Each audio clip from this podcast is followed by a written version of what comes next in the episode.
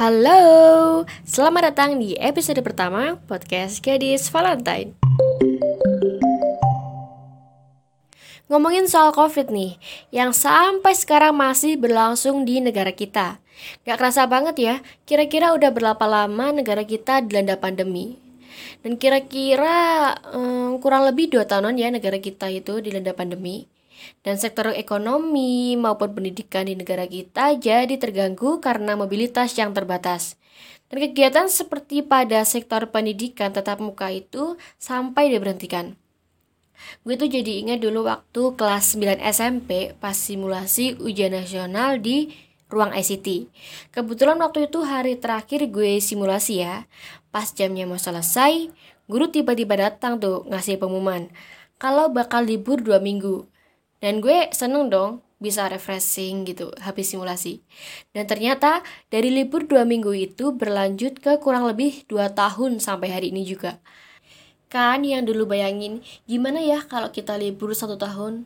Duh pengen deh libur satu tahun. Mampus tuh dikasih libur satu tahun lebih. Hah jadi kangen masa sekolah kan jadinya. Juga gak dapat uang saku lagi setiap paginya. WKWK. WK.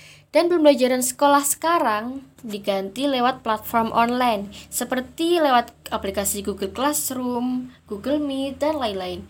Dan pas daring tuh ada aja kendalanya. Kayak sinyal yang nggak sampai ke daerah pelosok, ada yang kuotanya habis, wifi-nya macet, atau alat penunjang yang nggak lengkap, dan lain-lain masih banyak pokoknya. Tapi Kemendikbud udah menyediakan kuota bagi pelajar, tapi gue gak tahu ya yang pasti itu untuk seluruh kalangan mahasiswa atau enggak. Tapi setahu gue kuotanya cuma bisa buat aplikasi belajar aja. Kalau buat buka Instagram atau sosial media lainnya itu cuma terbatas. Kadang sampai ada yang kuotanya gak bisa buat buka sosmed. Jadi guys, kira-kira udah setahun lebih nih ya kita belajar online. Pasti ada dong plus minusnya, iya gak sih?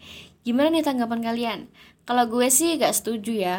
Kan kalau di rumah aja gak bisa tuh hangout sama temen-temen Terus kayak yang udah gue sebutin tadi Kalau lagi meet sinyal tuh suka jelek gitu. Yang sulit gabung lah yang suaranya macet-macet dan tiba-tiba keluar sendirinya. Pokoknya banyak deh. Tapi sisi positifnya kalau kita di rumah terus kita kan setidaknya juga turut serta membantu pemerintah mengurangi angka kenaikan kasus covid ini jadi gini, kan gue sering tuh pantengin statistik kasus COVID di Google. Dan alhamdulillahnya, dari kasus kurang lebih 40 ribu, sekarang turun jadi 4128 kasus. Ya, semoga pandemi cepat berlalu dan bisa normal kembali. Dan pastinya gue gak sabar banget buat masuk sekolah. Oke guys, kayaknya kita udah di akhir dari episode ini deh. Jadi segitu dulu podcast dari gue. Thank you for listening and sampai jumpa di episode selanjutnya.